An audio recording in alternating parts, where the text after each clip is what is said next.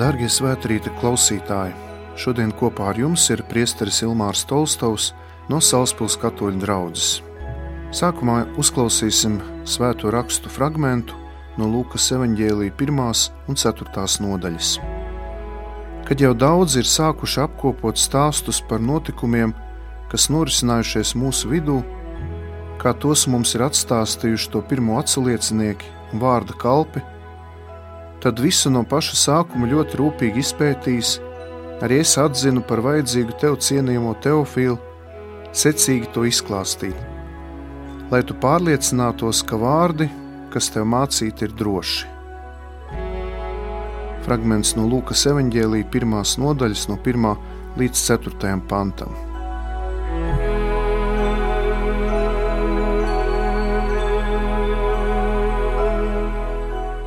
Tad ir vēl fragments no Lūkas evanģēlīja 4. nodaļas, no 16. līdz 21. pantam. Viņš nāca uz Nācereti, kur bija uzaugusi, un sabata dienā pēc sava paraduma iegāja sinagogā, un viņš piecēlās, lai lasītu. Viņam pasniedza pravieša iesaistas grāmatu. Rulli atritinājis, viņš atrada vietu, kur bija rakstīts: Kunga gars ir pār mani, jo viņš ir svaidījis mani pasludināt prieka vēsti nabagiem. Viņš ir sūtījis mani dziedināt sirdī satriektos un pasludināt atbrīvošanu gūstekņiem, nakliem acu gaismu, salauztos, darīt brīvus un pasludināt kunga žēlastības gadu. Rulli satinis viņš to deva kalpotājiem un apsēdās, un visu acis sinagogā pievērsās viņam viņš sāka uz tiem runāt. Šodien ir piepildījies šis raksts, ko jūs dzirdējāt. Tie ir svēto rakstu vārdi.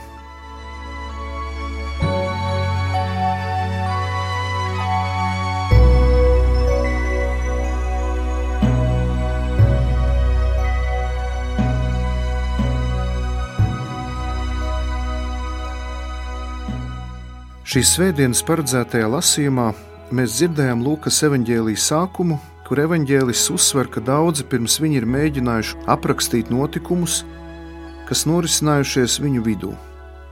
Arī mēs mēģināsim aplūkot Jēzus labo vēsti no uzrakstītā teksta pozīcijām, mēģinot padarīt Bībeli, kristiešu svētos rakstus pievilcīgākus mūsdienu modernajam cilvēkam, tādējādi atverot tās bagātību krātos. Uz to mums mudina divi svarīgi notikumi, kurus izdzīvojam šajā svētdienā. Pirms trim gadiem Pāvests Francisks, parastā liturģiskā laika trešo svētdienu, aicināja gadu svinēt kā dievu vārdu, jeb Bībelē veltīto svētdienu. Šīs pārdomas vēl vairāk iedara šajā nedēļā, kad īpaši lūdzamies par kristiešu vienotību, jo Bībele, Dieva vārds, ir viens no vienojošiem elementiem, kas palīdz kristiešu vienotībai. Tomēr Bībele ir bijusi un arī ir pretrunu un šķelšanās iemesls. Jo bieži vien ir dzirdēta frāze, parāda, kur tas ir rakstīts Bībelē, vai arī viena draudzene māca tā, otra citādi, un mēs redzam, ka kristiešu vidū ir ļoti liela sašķeltība arī attiecībā uz Bībeles mācību vai Bībeles tekstiem. Pirms vairākiem gadiem jaunajā Rīgas teātrī tika spēlēta Marijusa Fona Marienburga Luga māceklis. Orģinālā gan bija moceklis režisora viestura Meikšāna režijā. Portālā Kroders.CLV tika publicēta Mājas Uzulas Petrovskas recenzija par šo izrādi, kuru šeit vēlos nocitēt.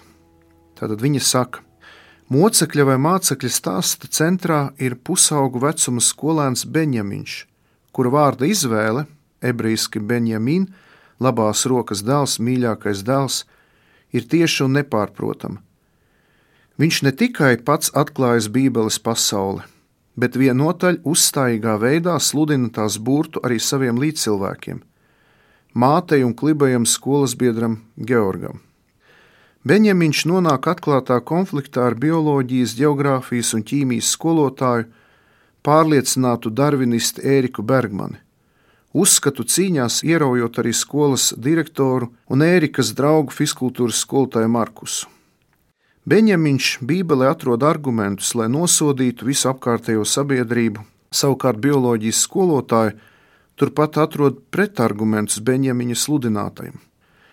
taču viņi abi vienlīdz izmanto Bībeli, lai cīnītos par varu un pārdalītu ietekmes sfēras. Tādējādi izrādē iezīmējas mūžam aktuālā reliģijas un politikas sasaistes problemātika. Citāta beigas. Tātad Bībele no kristīgās ticības pamata avota vienā brīdī var kļūt par ideoloģisku vai pat fundamentālistisku ieroci, kas nevis vieno, bet gan šķeļ un ārda. Kā mums šodienas cilvēkam, ticīgiem vai neticīgiem, raudzīties uz Bībeli, vecās un jaunās derības svētajiem rakstiem? Šajās īsajās pārdomās mēģināšu dot nelielu impulsu un salikt akcentus, kas mums katram palīdzēs uz Bībeli paraudzīties mazliet citādākām acīm. Godīgi jāsaka, arī man pašam, tā kā esmu priesteris, bieži jālasa Bībele, un es neteikšu, ka vienmēr man ir viegli atšķirt šo grāmatu un lasīt. Ir vietas, kuras man ļoti patīk, kuras ir tādas interesantas, foršas, aizraujošas, bet ir vietas, piemēram, trešā mūzes grāmata, kas ļoti garlaicīga, neinteresanta, kur visu laiku atkārtojas kādi rādu raksti vai tiek citēti dažādi šie cilšu apraksti. Un eh, mēs zinām, ka gandrīz katram Latvijas iedzīvotājam, varbūt vairākumam, mājās ir vai nu bībele, vai tikai viena tās daļa jaunā derība. Ir kādi, kuriem šī grāmata ir pārmantota no paudzes paudzē, kā sava veida talismans, relikvija, vecajā drukā, kuru nevis lasa, bet gan glabā kā dzimtas dārgumu vai tādu kā relikviju. Ir arī tādi mūsdienu modernie kristieši, kuriem Bībele glabājas mobilo telefonu aplikācijās vai citos datu nesējos. Es pats jauno derību klausos mašīnā, kad sēžu sastrēgumos Rīgā, un tādā veidā arī nemitīgi atrodos Dieva vārda klātbūtnē. Tomēr līdz 16. gadsimtam, kad tika atklāta drukāta teksta iespiešana, teksti lielākoties glabājās mutvārdos, glabājās, protams, pēdiņās. Seno laiku cilvēki informāciju nodeva tālāk mutvārdu tradīcijā un salīdzinoši neliels procents no tiem tika pierakstīti.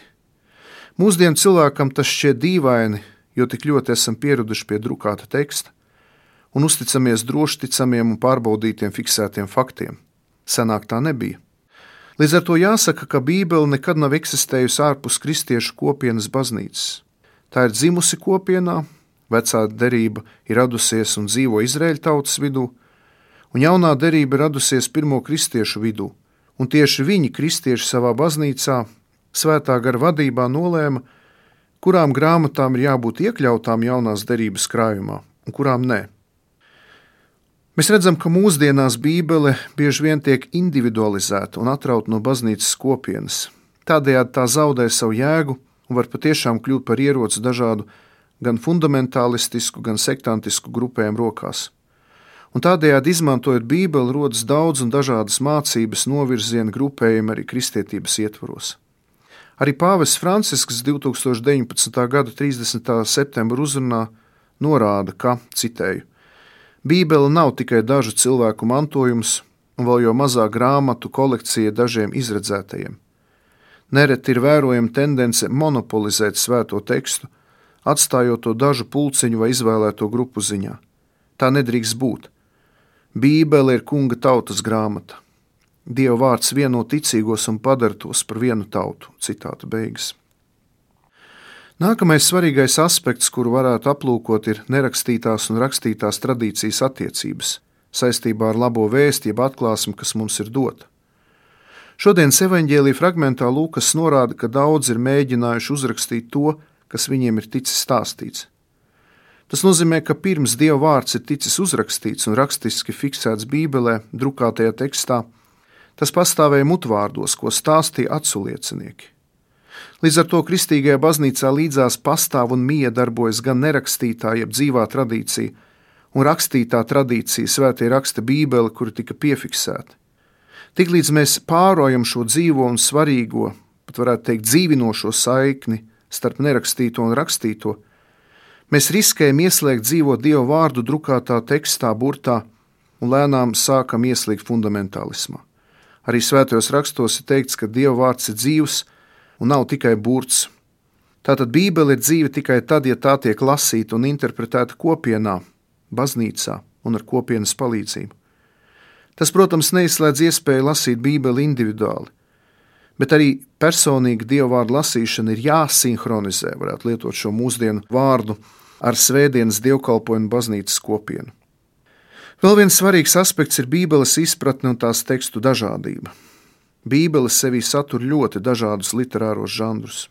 Teksti ir sarakstīti ar tūkstošu gadu atstarpi, un arī no mūsdienām to šķir vairāk tūkstoši gadu. Bībele ir sarakstīta tuvu austrumu un semītu domāšanas sistēmā, un ietver sevi rakstīšanas laikā klātesošos izteiksmes līdzekļus. Kā atkodēt pēdiņās Bībeli un tajā ietvert to vēsti uztvert? Un tāpēc Katoliskās baznīcas katehisms piedāvā ļoti vienkāršus palīgus instrumentus, lai varētu atvērt Bībeles krājumus, kas daudziem mums ir apslēpti un nesaprotami.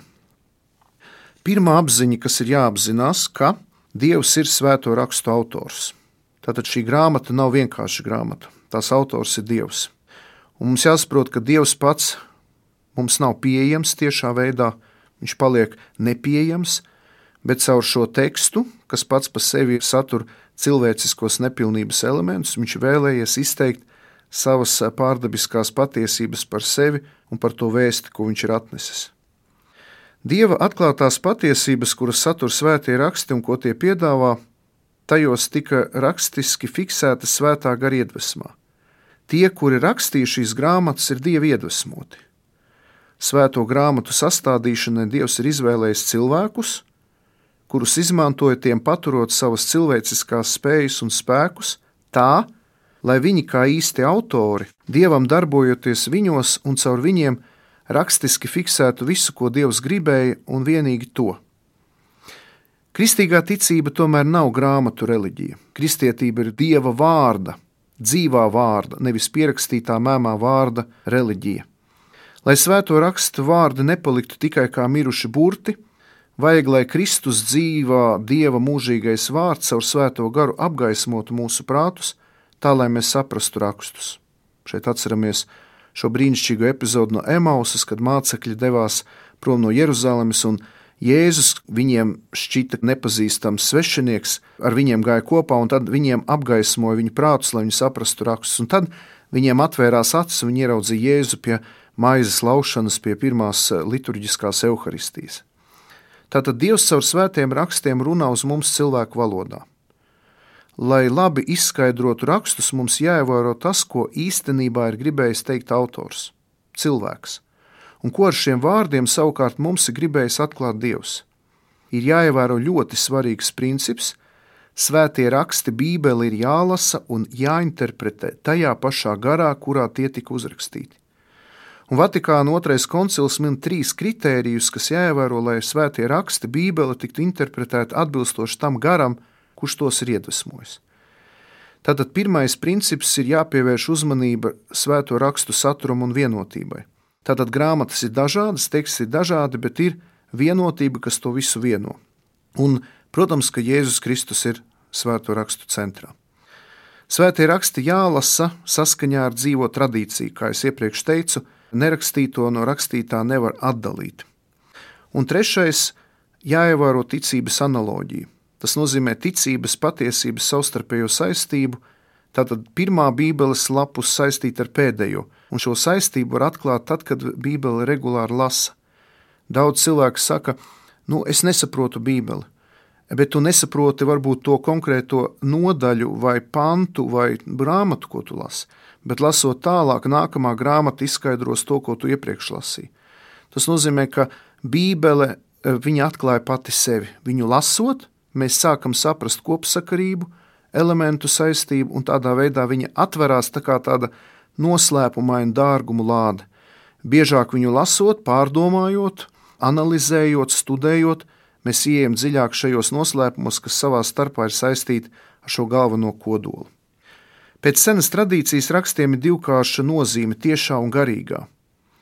Un e, noslēgumā mēs redzam Jēzu, kurš ir ienācis Nāceretes sinagogā un atver svēto rakstu rulli, lai lasītu.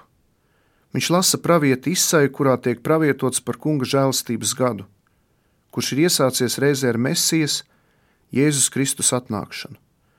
Tādējādi raksti piepildās Jēzus Kristus personā. Viņš ir Bībeles centrālā asa un interpretācijas atslēga.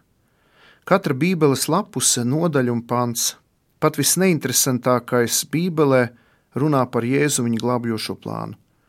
Tāpēc šodien, noslēdzot šīs pārdomas, gribētu aicināt, ieinteresēt visus tos eh, cilvēkus, kuri šobrīd klausās, kur varbūt nekad Bībeli nav atvēruši, lai varbūt šodien pēc šīs svētrunas mēs pamēģinam izņemt no mūsu skapiem, no mūsu kaut kādām noslēptām vietām, vai nu jauno derību, vai visu Bībeli, un varbūt pamēģinam palasīt. Bet nevis tā kā uzreiz ar prātu, nevis intelektuāli, bet vienkārši ļaujot tekstam ienākt mūsos un pamēģināt lūgt Dievam, lai šis teksts runā pats par sevi, lai mēs pieņemam šī teksta tādu svaigumu, skaidrību, varbūt līdz galam to nesaprotot, bet aicinot, lai tas teksts ienāk mūsos un lai mēs viņu arī pieņemam kā savu. To es gribu novēlēt, un lai patiešām Bībele būtu mūsu šī ceļvede, šī zvaigzne, kas pavada mūsu ceļā uz pilnību, uz svētumu, un lai Dievs arī ikdienā uz mums runā caur svēto rakstu tekstiem. Noslēgumā lūksim lūkšanu, kur mums ir mācījis Jēzus, tēvreizes lūkšanu, un arī šajā lūkšanā lūksim, lai Dievs mums dod šo žēlastību, atvērt sirdi uz svētiem rakstiem. Mūsu Tēvs debesīs, svētīts lai top tavs vārds, lai nāk tava valstība, tavs prāts, lai notiek kā debesīs, tā arī virs zemes. Mūsu dienascho maizi dod mums šodien un piedod mums mūsu parādus, kā arī mēs piedodam saviem parādniekiem, un neieved mūsu kārdināšanā, bet atpestī mūs no ļauna, jo tev pieder valstība, spēks un gods mūžīgi mūžos Āmen. Dieva tēva un dēla un svētā gara vārdā Āmen. Šajā Bībelē veltītajā svētdienā, svētrītā, kopā ar jums bija priesteris Ilmārs Tolstovs, kurš kalpo Salaspils katoļu draugzē.